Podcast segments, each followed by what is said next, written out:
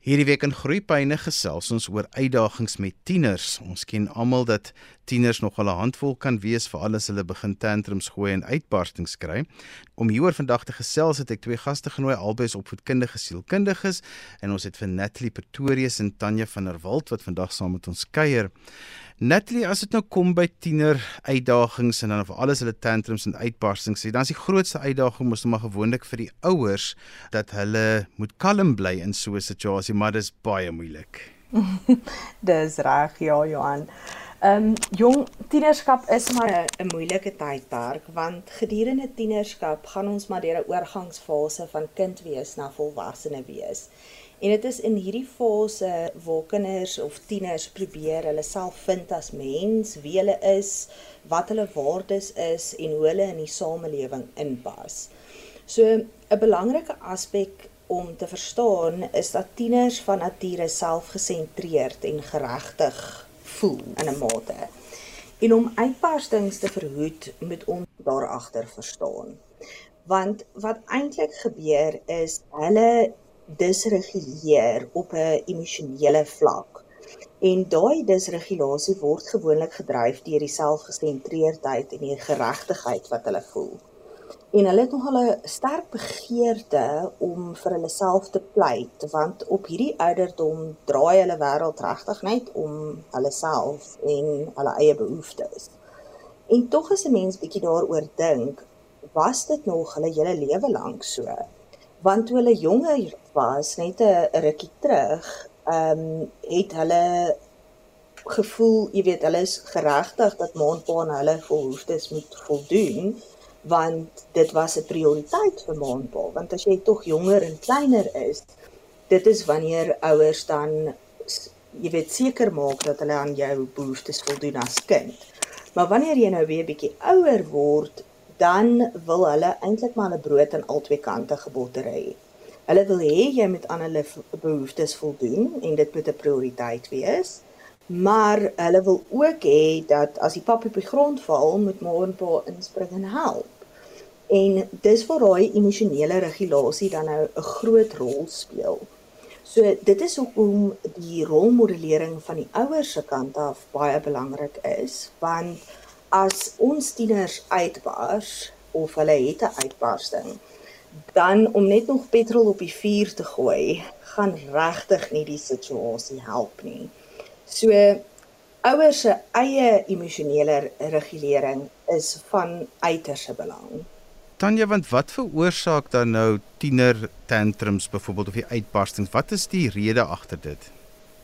So Johan, daar is nog 'n paar redes daarvoor. Die een ding wat ons moet onthou is dat hormone loop baie hoog tydens daardie fase van 'n uh, tienerslewe.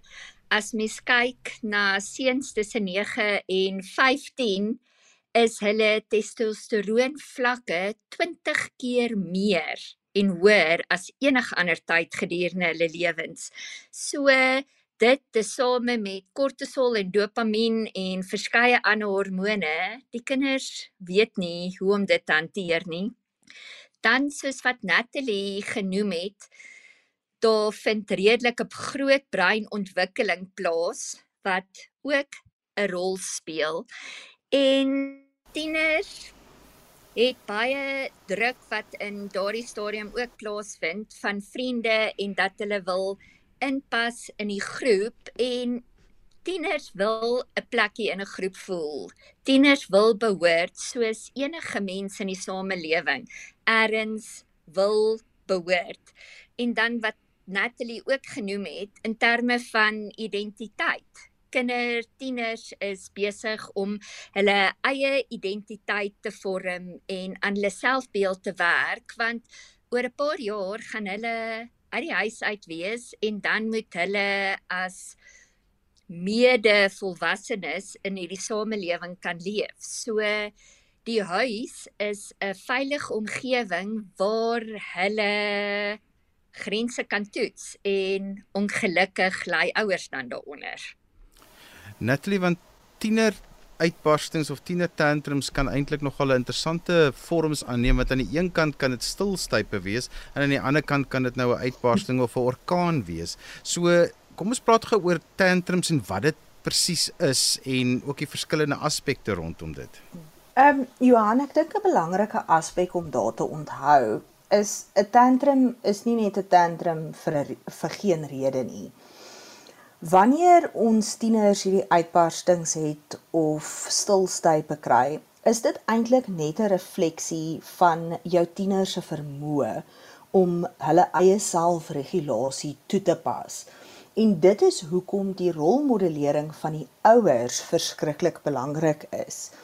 Want wat eintlik nou gebeur is jou tiener kry stilstype of daar's 'n uitbarsting van soorte as ons reageer in dieselfde manier as wat hulle die situasie hanteer, beteken dit dat ons dan eintlik vir hulle sê dis oukei okay om jou selfs op hierdie manier te gedra. So wanneer ons kwaad is, mag ons op mekaar skree en deure toeslaan en nie respek toon teenoor mekaar nie.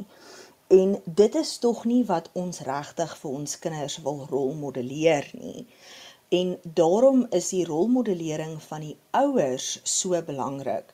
So ook die rolmodellering van ma en pa byvoorbeeld. Wanneer daar byvoorbeeld dalk 'n onderonsie tussen ma en pa is en die kinders is in die omgewing, hoe ma en pa met mekaar praat en uh die situasie hanteer sê vir die kinders hoe hulle situasies moet hanteer as hulle omgekrap voel of as hulle kwaad raak.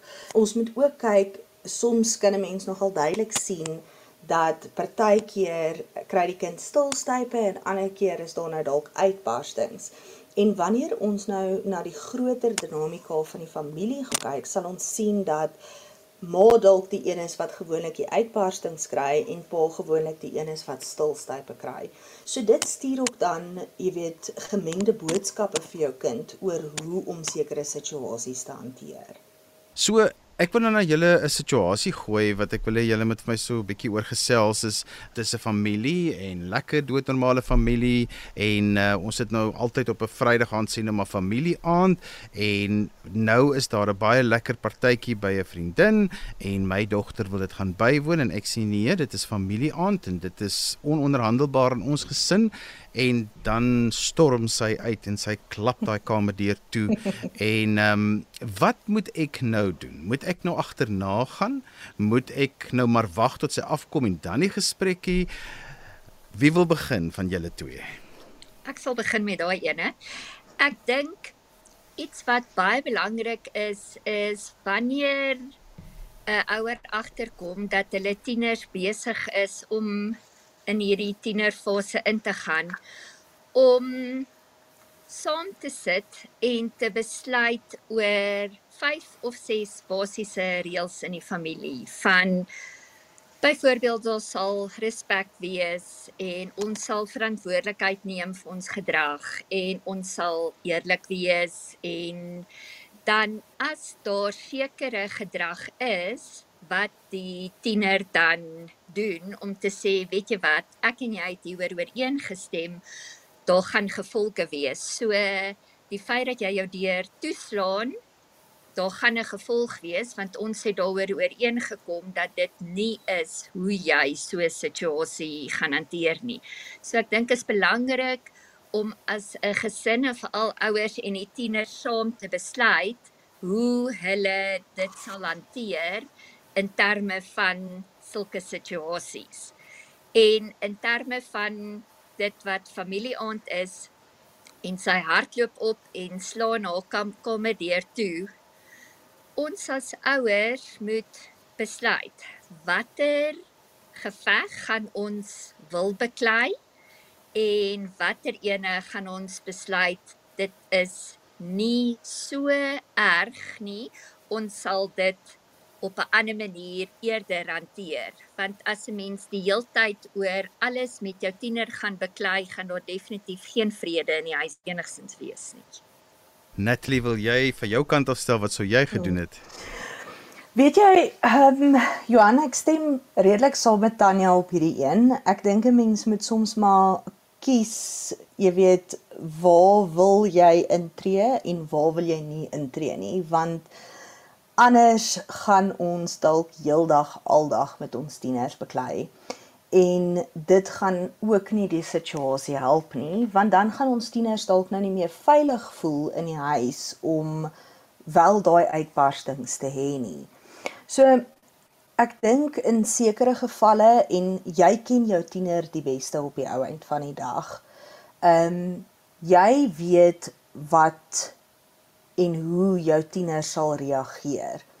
As jy weet deur hom agterna te storm en dit gaan dalk net in een groot vlammende vuur verander, dan sou ek dalk eerder voorstel om nie dadelik die gesprek te hê nie. Dan is dit dalk goed dat beide jouself en jou kind dalk eers bietjie afkoel en bietjie kalmeer en wanneer beide van julle meer gereguleerd is op 'n emosionele vlak om dan 'n rustige gesprek met mekaar te hê. Ek dink wat ek dalk daarbey net kan aansluit is iets soos familieaande is vir baie gesinne baie belangrik.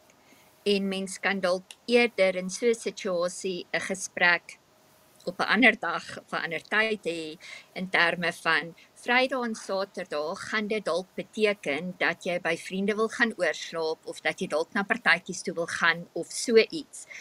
Kom jy dan met 'n ander voorstel na my toe sodat ons wel familietyd kan hê?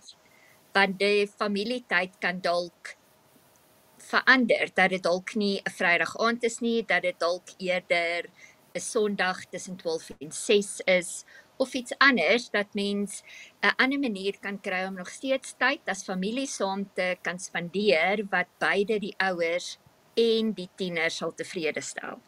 Natalie het gesê tieners moet veilig voel om uitbarstings by die huis te kan hê. Vertel ons 'n bietjie meer wat jy daarmee bedoel.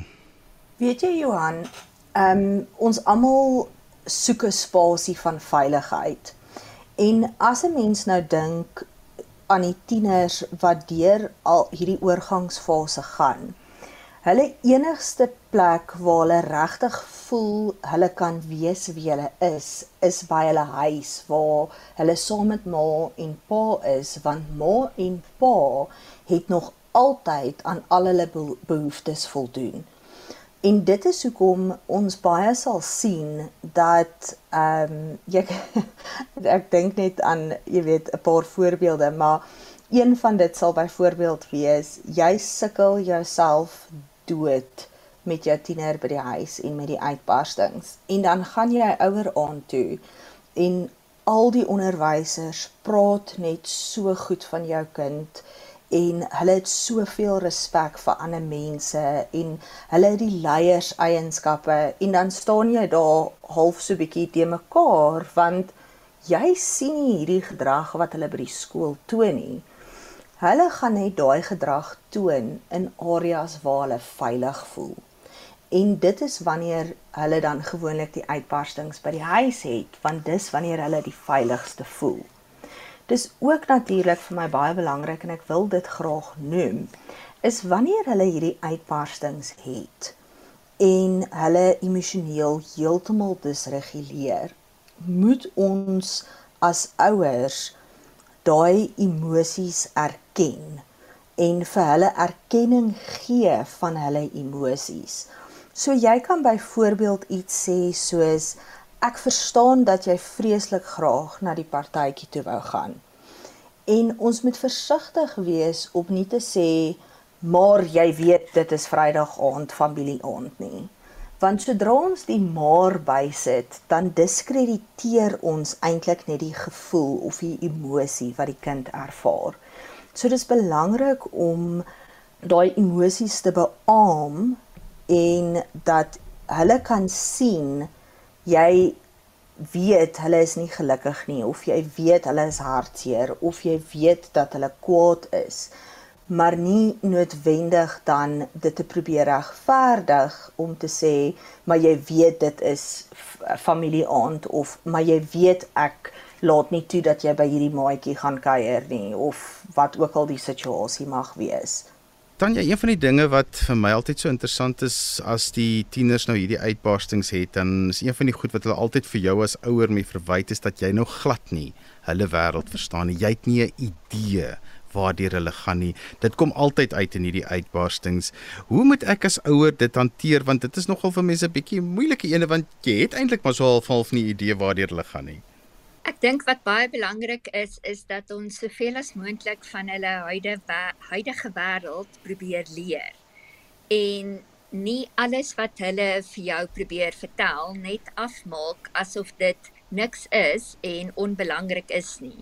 Baie keer is dit vir ons as ouers regtig nie belangrik om meer te weet van Call of Duty en wat hierdie karakter doen nie. Maar vir tieners is dit verskriklik belangrik dat ons belangstelling toon in wat die wêreld is wat hulle in leef. So ons moet belangstelling toon en ons moet meer beskikbaar probeer wees vir ons tieners want ouers dink baie keer goed, my kinders raak nou ouer, hulle uh, raak meer onafhanklik, hulle kan meer goed op hulle ou op hulle eie doen. Maar ons tieners wil weet dat ons daar is vir hulle wanneer hulle ons nodig het en ons kan slegs daar wees vir hulle as ons hulle wêreld verstaan en regtig weet wat in hulle wêreld aangaan. Dit beteken nie dat ons kinders en ons tieners daarmee op die mou gaan loop nie. Ons gaan dit dalk bietjie uitklim met uittrek, maar ons ouers is baie kreatief maniere te kry om met hulle kinders te kan gesels. Ons is nou al amper aan die einde van vandag se program, so ek wil graag hê julle moet vir my 'n bietjie saamvat raad wat julle gee vir mense as dit nou kom by die uitdagings van tieners en dan om van stilstype tot by uitbarstings te hanteer. So Natalie, kom ons begin by jou so 'n kort opsomming en dan ook 'n wenk of twee wat jy voorstel. Ek dink herinner jou tiener dat ons mag kwaad of ongelukkig wat wat se emosie dit ook al is wat hulle voel, dat ons dit mag voel. Ehm um, maar ook dat dit nie altyd gepas is in sekere situasies om met woede 'n situasie te hanteer nie. Wys dit dan ook so vir hulle deur jou eie rolmodellering hoe 'n mens so 'n situasie kan hanteer. En al is jy kwaad of ongelukkig, ehm um, ons het nie nodig om respek vir mekaar te verloor in daai proses nie. Ouers moet hulle self dan ook natuurlik net herinner dat om 'n gesonde hanteringsmeganisme te verander, gaan nie oornag gebeur nie. Ons fokus moet dalk eerder nie wees op die hoeveelheid keer wat jou tiener die week alweer 'n uitbarsting gehad het nie, maar eerder te sien waar daar positiewe vordering plaasvind en dan ook daai po positiewe vordering aan die tiener te noem om sodoende die positiewe gedrag dan verder te kan versterk. Tanya van jou kant af, 'n laaste gedagte en so 'n wenk of twee? Ek dink dit is baie belangrik om as ouers en tieners saam 'n basiese stel reëls op te stel en om te weet dat almal volgens daardie reëls gaan werk. Dat die tieners ook kan veilig voel binne daardie raamwerk. En wat ek ook sou sê is vir ouers om tyd te maak vir hulle tieners en oor hulle tieners se wêreld meer te leer sodat hulle meer beskikbaar kan wees vir die tieners indien die tieners enige vrae of hulp nodig het. Natalie, as mense met jou wil verder gesels of wil kontak maak, hoe kan hulle dit doen? Uh Johan, hulle kan my kontak um deur my webtuiste te besoek. Dit is uh www.nataliepretorius.com www.rsg.com. En Tanya, as mense met jou wil verder gesels of 'n kontak maak? Hulle kan met my kontak maak ook op my webwerf www.tanyavanewald.com. En so gesels Natalie Pretorius en Tanya van der Walt. Hulle is albei opvoedkundige sielkundiges. Ons het vandag 'n bietjie gesels oor tiener uitdagings, spesifiek oor tiener tantrums, stilstype, uitbarstings, al daai dinge wat 'n mens maar elke dag mee te doen kry as dit kom by tieners grootmaak. Onthou jy kan weer na vandag se program luister as 'n potgooi as jy sopas ingeskakel het. Jy kan dit aflaai by rsg.co.za. Skryf gerus vir my 'n e e-pos by groeipyne@rsg.co.za. daarmee groet ek dan vir vandag tot volgende week van my Johan van Lille. Totsiens.